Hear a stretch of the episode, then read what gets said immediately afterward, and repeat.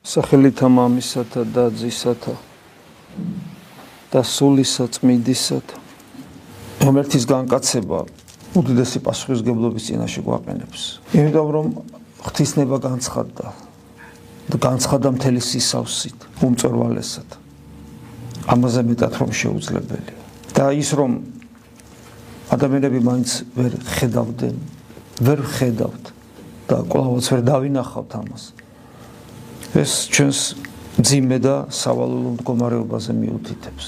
რელიგიურობა თავისთავად მხოლოდ არაფერს ნიშნავს, იმიტომ რომ ხშირად ვითქვავს, რომ ადამიანი რელიგიური არსებაა და როცა ადამიანს აქვს წმენა ღმერთისა და რელიგიური ცხოვრების წესი, ამით ის არ უნდა დამშვიდეს, თვითკმაყოფილებაში არ უნდა ჩავარდეს. აი დღესაც ტიტეს მიმართ ეპისტოლეში ამოვიკითხეთ, რომ რა ტიპის მორწმუნე შეიძლება არსებობდეს სიტყვით რომ აღიარებს მაგრამ საქმით უარყოფს და აი ახაც დღესაც ვკითხულობდით როგორ ემზადებოდნენ დღესასწაულისათვის უცომოებისა რომელსაც ქვია პასკა. და ჩვენ ვიცით რომ თან პარალელურად ქრისტეს კვლელობას ამზადებენ და თან წესს იცავენ. თან არ უნდათ რომ ეს წესი დაირღვეს.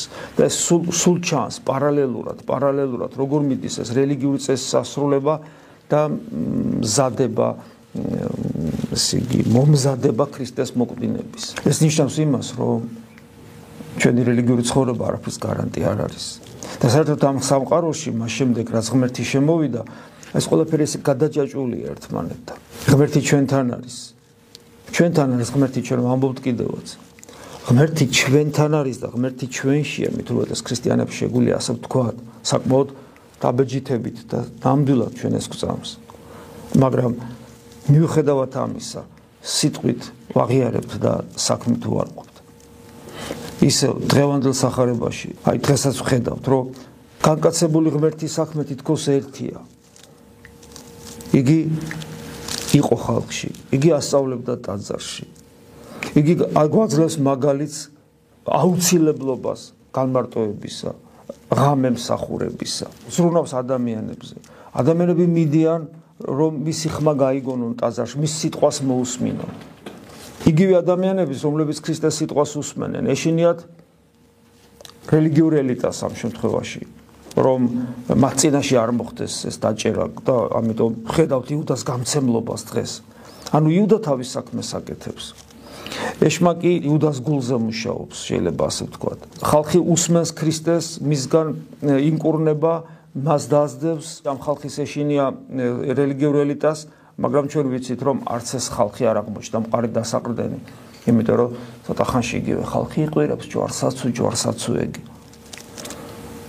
და აი ამ ყველაფერში, ამის პარალელურად სიმდაბლით, ჩუმად, თავისით არაშემაწუხებლად ჩვენების დადგმის გარეშე ადამიანად მოსული ღმერთი ჩვენივე გამოხსნის საქმეს აღასრულებს. იმგვარად ფაქიზად რომ ეს ამქვეყნიური ორომტრიალი ამას ვერ ამჩნევს.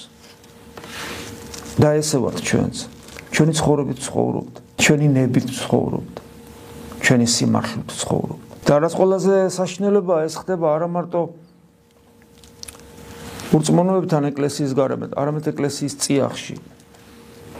ჩვენი ინტერესები გვაქვს, ეკლესიაში ჩვენ მოვახერხეთ ეკლესიაში წესით ქრისტეს ნების გარდა და ქრისტეს სიმართლის გარდა სხვა არაფერი უნდა იყოს, სხვა არანაირი ინტერესი არ უნდა იყოს, მაგრამ არის. ყველაფერი ჩვეულებრივად არის. ჩვენ შემოვიტანეთ ეკლესიაში, ეს ჩვენ ადამიანებმა შემოვიტანეთ. და აი ამ თითქოს და ქაოსში და ორომტრიალში ჩვენ უნდა გვეყოს სიფცნე სული სიფაქიზე. რომ ღმერთი დავინახოთ. ღმერთი დავინახოთ იმიტომ რომ ის ის სიმართლე სიმართლე რომ ღმერთი მოვიდა ჩვენთან და ჩვენ მხოლოდ მისთვის ვართ აქ.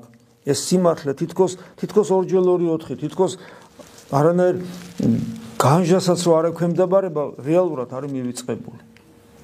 ჩვენმა ამბიციებმა ჩვენმა პატივმოყვარეობამ ჩვენმა სიამაყემ ჩვენმა სიმართლემ სასაცილოა, მაგრამ ჩვენმა რელიგიურობამ კიდევ უფრო სასაცილოა ჩვენმა ქრისტიანობამ გადაფარა ცოცხალი ქრისტე. ეს რეალობა არის ის, რომელსაც ჩვენ თვალ უნდა გაუსწოროთ და ამავე დროს ვიცოდეთ, რომ სხვა სამეფო ქრისტეს მიერ დაარსებული თუ არა ეკლესია არ არსებობს. ის რომ აქ პრობლემებია რომელიც იმასაც ჩვენ ვქმნით ეს არ ნიშნავს იმას რომ სხვა ეკლესია არსებობს სხვა ეკლესია არ არსებობს რატომ არის ასე იმიტომ რომ ჩვენ ასეთი პრობლემული ადამიანები ასეთი ცოდვილები ასეთი უგულისხმოები გადაგვარჩინოს სხვა ადამიანებისთვის არ მოსულა. ღმერთი არ განკაცებულა მართალი ადამიანებისათვის, წმინდანი ადამიანებისათვის, განხრთობილი ადამიანებისათვის. ღმერთი მოვიდა ჩვენთვის. ჩვენთვის დაარსა ეს სამეფო, რომელსაც ეკლესია ქვია. ჩვენ შეგვიყვანა შიგნით, აი როგორც იგავურ სახეში როა რომ რომ მართლება რო ვარი თქოს მოსვლაზე და წარჩინებულებმა უფრო სწორედ გადითო და თუ ვინმე გლახაკს და გაუბედურებულს ნახავს ყველა შემოიყვანეთო აი როდესაც თავი რომ მართალნი ეგონათ იმათ ვარი თქოს ჩვენ შემოგვიყვანა ცოდვილები. და რამდენჯერ აი რეალობაშიც ხო ესეა. რამდენი ღირსეული ზნობრივად გამართული ფეხზე მდგარი ადამიანი, ზნობრივი თვალსაზრისით, ღირსების თვალსაზრისით ვერ ვერ შემოდის ეკლესიაში. ძნელია მოუხარო ქედი ღმერთს. კომპარტავნება საშნელი რამე. და რამდენი ცოდვილი თივსება დაუძლურებული ფსიქიკა შერყეული ადამიანებით ეკლესია. ხშირ შემთხვევაში ეს გაუნათლებლებითაც კი.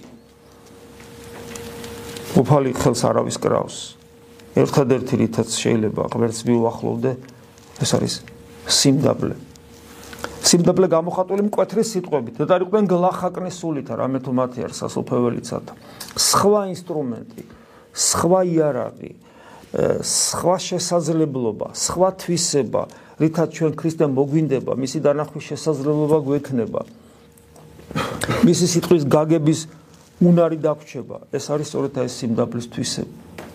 თუ აი ეს ფაქიზად რასაც თავისთვის აკეთებს და ხალხს არ აწუხებს და ამა თავიანთი გეგმები აქვს. მათ შორის რელიგიური გეგმები აქვს, რელიგიური ინტერესები აქვს. და მე თავის მიზანს აღწევენ. ქრისტეს იჭერენ, კლავენ, რომის ხელისუფლებას თავის სასარგებლოდ ამუშავებენ, ყველაფერს აკეთებენ.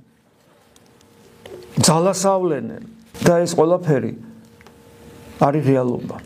დღესაც ასეა.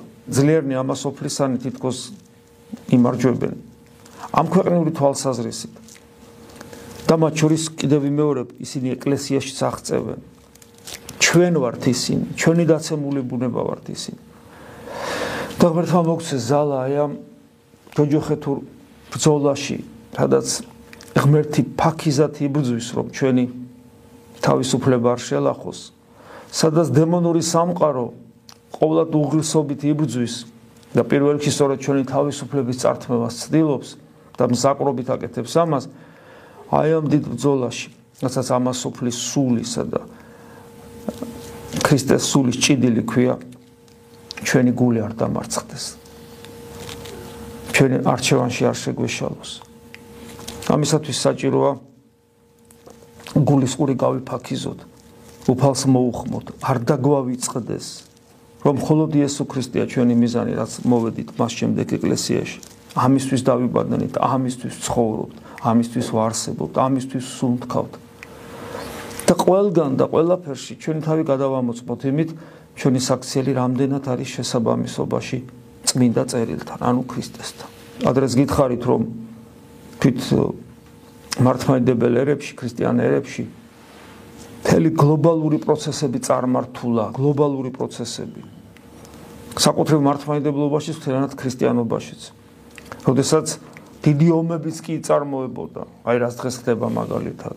იქ ჯვაროსნები, იქ ინკვიზიცია, და უამრავი რამ ხდებოდა, ეხლა აღარ მინდა ისტორიით თავი შეგაწყინოთ, მათ შორის მართლმადიდებლურ სამყაროში, როდესაც თითქოს და ქრისტეს სახელით გლობალური პროცესები ხდებოდა, რომელსაც არანაირი კავშირი არ ქონდა ქრისტიანობასთან. აი როგორც გითხარით, ადრეს იყო ერთგვარი идеოლოგიური ბუშტი, სადაც უცნაურად, მაცდურად ქრისტეს სახელის манипулирებით იქნებოდა идеოლოგია, რომელსაც ქრისტიანობასთან კავშირი არ ქონდა. ამიტომ რომ ეს идеოლოგია სხვა იყო და сахарება სულ სხვა რამე იყო. ამიტომ ჩვენ უნდა ჩვენთვის მანათობელი შუქურა უნდა იყოს წმინდა წერილი, მისით უნდა ვისუნთქო და მისით უნდა ვიცხოვრო. ყველაფერი გადავამოწმოთ მისით. და თუ ჩვენში დავინახავთ, რომ ჩვენ ეს არ გვაინტერესებს, არ გვაინტერესებს წმინდა მამები, რომლებიც მხოლოდ წმინდა წერილის განმარტავენ. ყველაფერი რაც კი დაწერილი 2000 წლის განმავლობაში მხოლოდ წმინდა წერილის განმარტებაა და გამოცდილება მიღებული საკურთხევლით. თუ დავინახავთ ჩვენ თავში რომ ჩვენ ეს არ გვაინტერესებს. ჩვენ გული არ ჩვენი გული არ იწევს წმინდა წერილისკენ და წმინდა მამებისკენ. ჩვენ უფრო შეიძლება დღეები გავოდეს ისე რომ ჩვენ არ გაგვიჩნდეს სურვილი მათში ჩახედვისა და ჩაფიქრებისა, დაფიქრებისა კი არა, ჩაფიქრებისა სიღრმეში. თუ ესეთი დღეები ხშირია ჩვენთან, ეს უკვე პირველი სიმპტომი უნდა იყოს ჩვენთვის, წითელი უნდა აგვერთოს შიგნით, რომ ჩვენ წმინდა წერილის მიხედვით, ანუ სახარების მიხედვით, ანუ გამოცხადების მიხედვით არ ვცხოვრობთ. შესაბამისად ჩვენს სხვა იდეოლოგიურ ბუშტში ვიმყოფებით. შეიძლება ქრისტეს სახელს ვახსენებდეთ, ტაზარშიც დავდიოდეთ. მაგრამ ჩვენ ქრისტიანობასთან, ცოცხალ ქრისტესთან კავშირი არ გვექნება. იმიტომ რომ არ გვაინტერესებს, რაც მან გამოაცხადა. და ჩვენ შევქმნით რაღაცა იდეოლოგიური ბუშტი, რელიგიური, რომელსაც ქრისტიანობას ვარქმევთ, იმით ცხოვრობთ. და თვითკმაყოფილებაში ვიმყოფებით. სინამდვილეში აი მამასოფლის სულის ზემოქმედებაში ვართ, რომელიც ქრისტეს ფაქიზი მოძრაობის ამ სამყაროში ქრისტეს ფაქიზი მოძრაობის პარალელურად თავის ცხოვრებას, თავის ზრახვებს მისდევს. და ამბობენ, რომ ეხლა არის როგორც უფალი ეუნება, ეხლა თქვენი დროა, გახსოვთ, როგორ ეუნება ფარისევლებს, ეხლა თქვენი დროა, აი მათი დროა. დრო, მათი დრო, სადაც ღმერთისათვის ადგილი არ დატოვეს. და აღმოჩნდება, რომ ჩვენც იქ ვართ. თუ ჩვენთვის არ არსებობს წმინდა წერილი და მის და მის სიყვარული წმინდა მამებისადმი ხას უსავ არა მარტო წმინდა წერილისადმი არამედ წმინდა მამებისადმი იმიტომ რომ ვისაც აქვს ილუზია რომ წმინდა წერილი უყვარს და ის ადამიანები რომლებიც სული წმინდის მადლით არა მარტო თეორიულად განმარტავდნენ არამედ ცხოვრობდნენ მისით წმინდა წერილის მიხედვით. თუ ჩვენ ისინი არ გვაინტერესებს მაშინ ჩვენი წმინდა წერილისადმი სიყვარული მდანაც ამბიციურია და პატიმოყვარულია და სიამაყით ახსავსია რომ ესეც არაფერს ნიშნავს იმიტომ რომ ეგრე წმინდა წერილი ეშმაკმაციცის გახსოვთ ქრისტეს ცდუნება სტილოს 90-ე ფსალმუნი. ამიტომ აქაც სიბზნე გჭირდება და წმინდა წერილი წინვალეთ იცოდენ ძველი აღთქმისა იმ ძველმა იუდეველებმა მაგრამ ქრისტე ვერ იცნეს. აქაც სიბზნე გჭირდება როცა ამბობთ რომ წმინდა წერილი სიყვარული უნდა გქონდეს. შეგვეციო სუფალი და მოქცეს ეს ფაქიზი ფაქიზი გასდა ჩვენ ბეწვის ხიძზე გავდივართ ჩვენ ნემსის ხვრელში უნდა გავძვრეთ. ვიწრო და ეკლიანი გზა უნდა გავიო რო და ვეძებოთ ის ყარიბჭე რომელსაც ბევრი ეძებს და ცოტა პოულობს ამ ყარიბჭეს უტყვილესი სახელი იესო ქრისტე ქვია. ამინ. მადლი უფლისა ჩვენისა იესო ქრისტეს და სიყვარული ღვთისა და მამის და ზიარება სულისა წმინდის იყოს თქვენ ყოველთა თან Amin.